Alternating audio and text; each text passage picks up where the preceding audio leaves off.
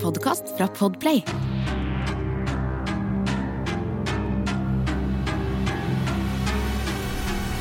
Hei og velkommen til Forsvinningsfredag podkast. Denne episoden kan være veldig skremmende for enkelte lyttere, så dersom du er enten yngre eller sensitiv, så vil jeg anbefale deg å lytte til episoden med en voksen du stoler på, eller skru av. I podkasten så har vi tidligere snakka om eh, enkelte seriemordere, og det samme har jeg også gjort på YouTube-kanalen min. Men det er jo en gjenganger at de mest kjente seriemorderne, de er menn. Det betyr ikke at eh, det ikke finnes kvinnelige seriemordere, men statistisk sett så er det jo faktisk færre av de. Og for meg så gjør det også de sakene litt ekstra spennende å følge med på. Det gjør også denne ukas episode enda mer interessant, fordi vi i dag skal snakke om en av disse kvinnelige seriemorderne, nemlig Eileen Warnos. Denne episoden er en karusell av en sak, og på mange måter er den også veldig trist, så sett deg godt til rette hvor enn du er, så går vi rett inn i saken om Eileen Warnos.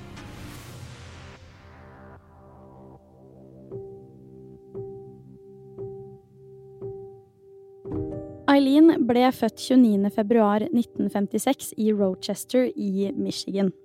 Foreldrene hennes heter Diane Vornos og Leo Dale Pittman. Disse to gifta seg da Diane var kun 14 år gammel, og året etter fødte hun Keith Warnos, som da er hennes førstefødte barn. Året etter, da Diane har fylt 16 år, føder hun sitt andre barn, og det er da Eileen. Og bare noen måneder før så hadde faktisk moren søkt om skilsmisse fra barnefaren. Av flere årsaker endte derfor Eileen aldri opp med å verken møte eller ha kontakt med sin biologiske far. Og blant disse årsakene finner vi en rimelig morbid en, som sier veldig mye om farens karakter.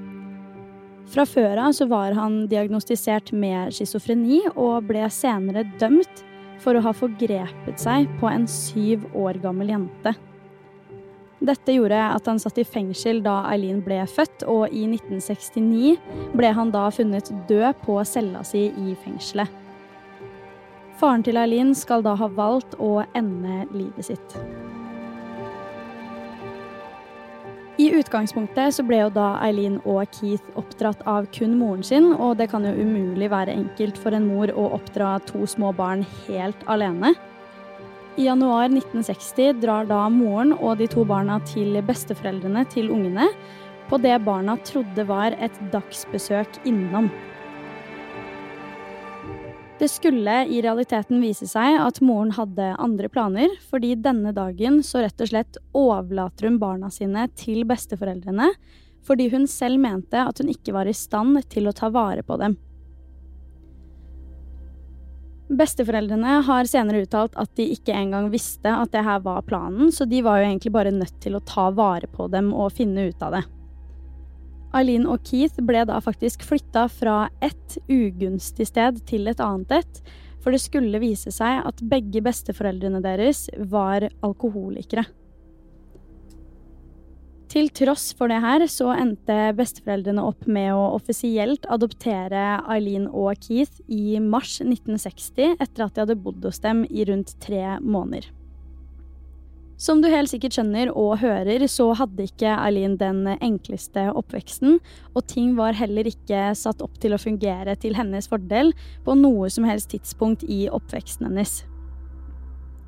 Det er jo ikke uvanlig at disse faktorene resulterer i at barn med denne typen bakgrunn begynner å gjøre tvilsomme aktiviteter på en eller annen måte, og Eileen var virkelig ingen unntak. Allerede som elleveåring begynner Eileen å lete etter måter hun kan skaffe seg mat, rusmidler og sigaretter, og dessverre endte det med at seksuelle tjenester ble betalingen hun brukte for å få disse tingene. På hjemmebane så var jo begge besteforeldrene alkoholikere, som jeg nevnte, men Eileen hevder faktisk også at bestefaren hennes skal ha slått henne og også forgrepet seg på henne både før, under og etter at hun begynte å utføre seksuelle aktiviteter for å tilegne seg goder. Hun har også forklart at hun og broren hennes ble tvunget til å utføre seksuelle handlinger med hverandre på dette tidspunktet. Men hvilke erfaringer broren hennes hadde i oppveksten, det blir det egentlig ikke snakka noe særlig om, etter hva jeg kunne finne. Da Eileen var 14 år gammel, ble hun faktisk også gravid etter at hun hadde blitt voldtatt av en venn av sin egen bestefar. Det her er så utrolig, utrolig trist, for hvilket barn i det hele tatt er det som skal trenge å gå gjennom en såpass hard oppvekst som det her? Altså, det er jo virkelig ingen som fortjener det, og det her er helt forferdelig å tenke på, helt uavhengig av hva som skal skje senere i livet hennes. Uansett, da Eileen blir gravid, så blir hun plassert hos en slags institusjon for gravide og mødre som ikke er gift, eller rett og slett er alenemødre. Det er her hun ender opp med å føde barnet sitt i 1971, og kort tid etter fødsel så bestemte hun seg for å adoptere bort det nyfødte barnet, forståelig nok gitt omstendighetene. Etter dette her så ender hun opp med å flytte inn til besteforeldrene sine igjen. Det er ingen tvil om at opplevelsene Eileen hadde i oppveksten, vil ha noe å si for fremtiden hennes, og det jeg har nevnt frem til nå, er ikke engang alt. Det er vanskelig å ikke synes synd på en ung jente eller en person i det hele tatt som må gå gjennom alle disse tingene her, og bare noen måneder etter at Eileen adopterte bort barnet sitt, så valgte hun å droppe ut av skolen. Samtidig dør bestemoren hennes av leversvikt, og bestefaren hennes kaster ut både henne og broren hennes umiddelbart ut av huset. Nå har ikke Eileen verken penger, mat eller et sted å bo, så igjen så er hun nødt til å ty til tvilsomme måter å overleve på. Hun begynner nå å prostituere seg, og bodde i skogen som lå rett i nærheten av huset til besteforeldrene. Som 18-åring blir Eileen arrestert etter å ha kjørt i ruspåvirka tilstand, og samtidig skutt ut av vinduet på bilen med en pistol. To år etter det, da Eileen har fylt 20 år, så ender hun opp med å haike til Florida for å starte et nytt liv der. Altså, hun starter jo et nytt liv, men eh, som du kommer til å høre etter hvert, så er det ikke akkurat et fint nytt liv hun begynner på her. I Florida møter hun etter hvert en mann på 69 år, som da er leder av en yachtklubb. Dette er Louis Gratz Fell. Disse to får en skikkelig god tone, og ting går unormalt fort i svingene for disse to, egentlig. De ender opp med å gifte seg etter kort tid, men bare noen uker etter bryllupet søker Louis om besøksforbud mot Eileen fordi hun hadde slått han med hans egen stokk. Ikke nok med det, men Eileen skal også ha havna i fengsel for overfall på en lokal bar. Og det her resulterer i at ekteskapet mellom Eileen og Louis blir annullert etter totalt ni uker. I tiden etter at ekteskapet ble annullert, så har Eileen pådratt seg et ganske heftig kriminelt rulleblad, som grovt forklart kun går på fysisk vold mot bartendere og lignende. Man kan trygt si at Eileen hadde mye sinne inni seg, og dette her kom jo da også veldig tydelig frem. Du trodde kanskje at ting skulle begynne å roe seg nå. Svaret på det er dessverre nei. For i juli 1976 så dør broren hennes av kreft. Nemlig da broren som hun har gått gjennom så utrolig mye med gjennom hele oppveksten. Han ender da opp med å etterlate seg 10 000 dollar til Eileen, som hun faktisk kaster bort på ingenting i løpet av bare to måneder. I 1978 er Eileen 22 år gammel, og det er nå hun forsøker å ende sitt eget liv ved hjelp av å skyte seg selv i magen. Dette er imidlertid ikke første gangen hun prøver på det, da det er rapportert om totalt seks tilfeller der hun har forsøkt å ta livet sitt fra alderen 14 til 22. Det er også i den alderen her at Eileen begår veldig mange kriminelle handlinger som hun blir både arrestert og bøtelagt for. Blant disse handlingene finner vi da både forfalskning og tyveri. I årene etter at Eileen forsøkte å ta livet sitt som 22-åring, så var hun da rett og slett både inn og ut av fengsel for de nevnte kriminelle handlingene, men også for å true folk med pistol, overfall og biltyveri, i tillegg til å nekte pågripelse.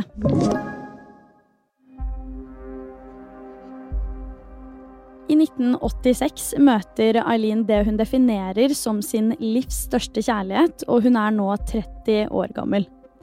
Eileen befinner seg nå på en gaybar i Daytona Beach og møter en jente ved navn Tyra Moore.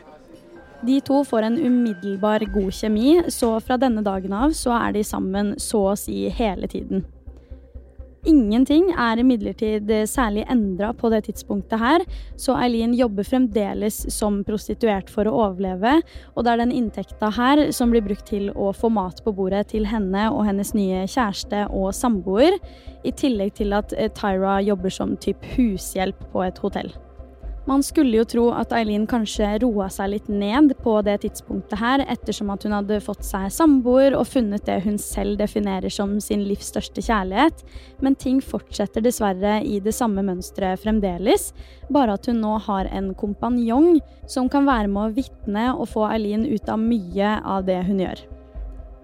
Anklagene om overfall og vold på lokale barer fortsetter å renne inn, men som sagt så tar alltid Tyra samboeren sin i forsvar, så på dette tidspunktet her så får ikke Eileen noen dommer på seg for disse hendelsene. I november 1989 begynner det som skulle være en tolv måneder lang periode med drap, og dette er jo noe vi egentlig bare har gått og venta på, fordi Eileen begikk så utrolig mange forskjellige former for kriminelle handlinger, men aldri drap frem til nå.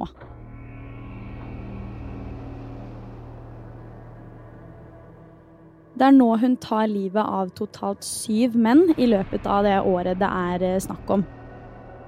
Hennes første offer er 51 år gamle Richard Charles Mallory, og han var daglig leder i en elvarebutikk i Florida.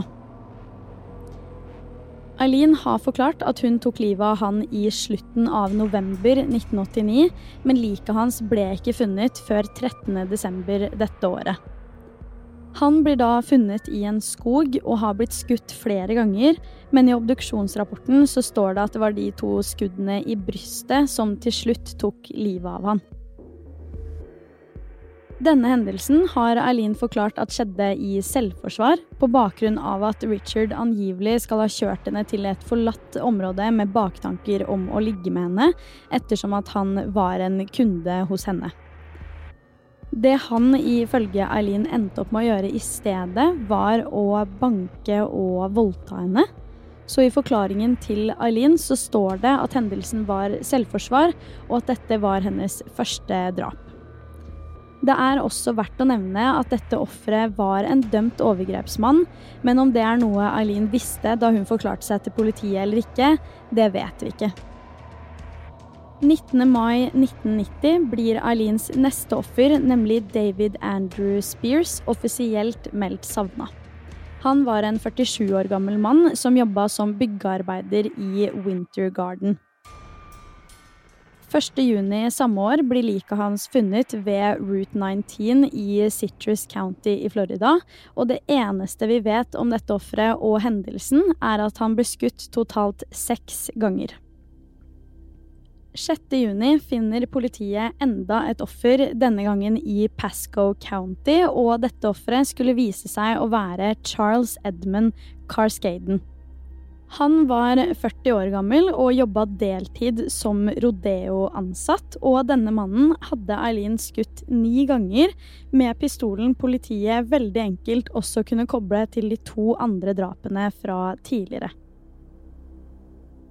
Liket hans ble jo som sagt funnet 6.6.1990, men i obduksjonsrapporten så står det at han faktisk ble drept 31. mai samme året.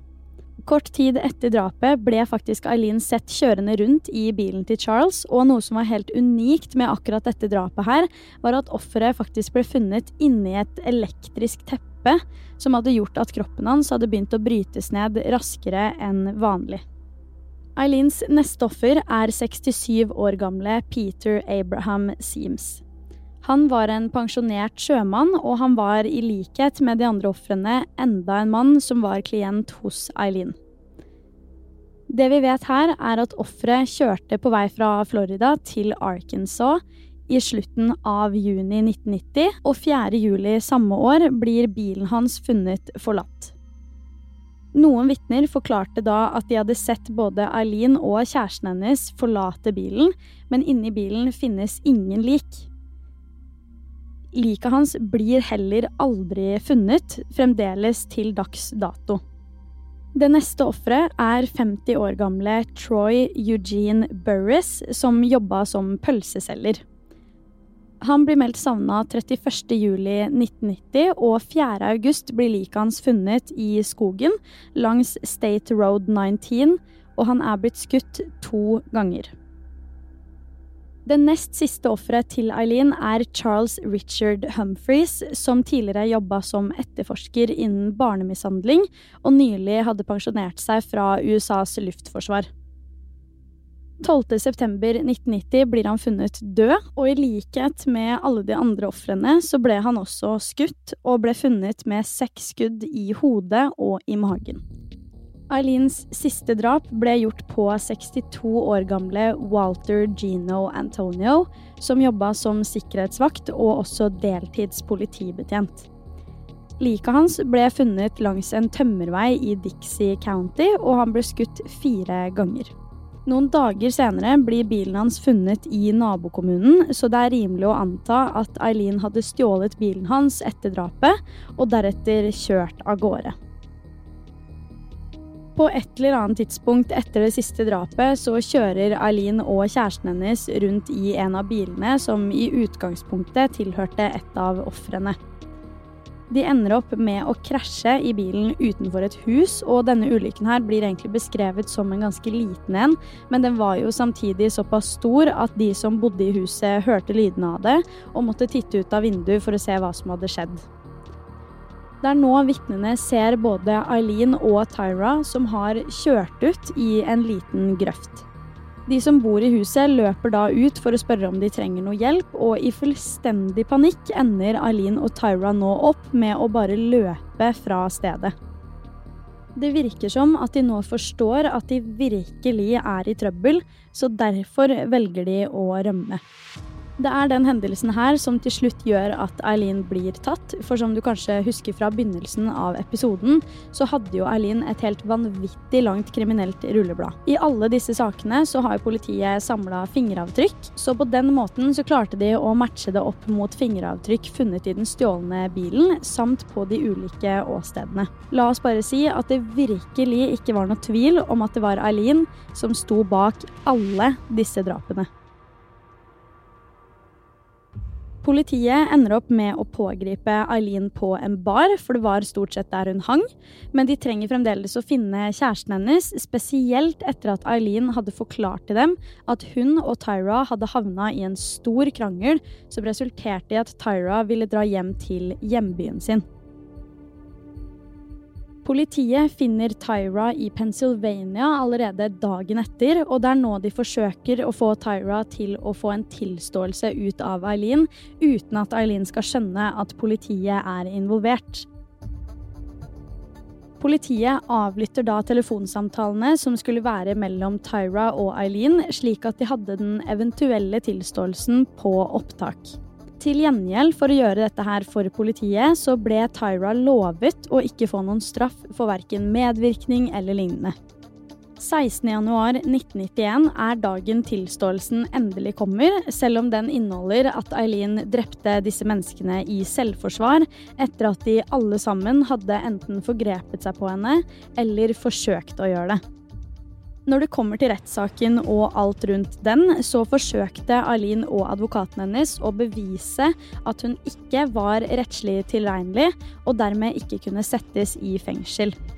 Nå blir det her egentlig bare antakelser fra min side, men det er jo ikke rart om hun har fått noen diagnoser etter den oppveksten hun hadde, for hun hadde jo rett og slett livets verste mareritt som oppvekst, og levde sånn gjennom hele livet sitt. Under rettssaken kommer det også frem at det var ett av ofrene som faktisk hadde forgrepet seg på Eileen, mens de andre kun var i begynnelsen av å gjøre det, eller forsøkte å gjøre det. Det er imidlertid verdt å merke seg at forklaringene til Eileen om de ulike drapene over tid har vært ganske inkonsekvente, så hva som er den reelle historien bak dem, er noe vi kanskje aldri får vite den fulle sannheten om. Eileen Warnos ender uansett opp med å bli dømt til dødsstraff i februar 1993 for disse forferdelige handlingene, og jeg er helt sikker på at mange av dere der ute har litt delte meninger når det kommer til akkurat den saken her. Fordi ja, Eileen drepte syv mennesker som vi vet om, men samtidig er dette her noe som kunne vært unngått? Et barn som opplever så utrolig mye traumatisk gjennom hele oppveksten, og også som ung voksen. Altså, hvorfor fikk hun ikke noe mer hjelp? Da hun f.eks. var på det her hjemmet for enslige mødre etter overgrepet hun ble utsatt for, hvorfor var det ingen som tok grep i den saken? I mitt hode er det her en helt forferdelig trist sak på alle mulige måter, og det er trist å tenke på at man kanskje kunne unngått mye av det, hadde hun bare fått den hjelpen og støtten hun behøvde som barn. Jeg er som alltid veldig interessert i å høre hva du tenker om den saken her. Så om du har noen tanker, meninger eller refleksjoner, så send det gjerne inn til meg på Instagram, der jeg heter Forsvinningsfredag. Du har hørt Forsvinningsfredag podkast med meg, Sara Høydahl, og dersom du vil høre om flere true crime-saker, så kan du også sjekke meg ut på YouTube, der jeg heter Sara Høydahl. Uansett så kommer det en helt ny Forsvinningsfredag podkast-episode allerede neste fredag, og i mellomtiden, ta vare på deg selv.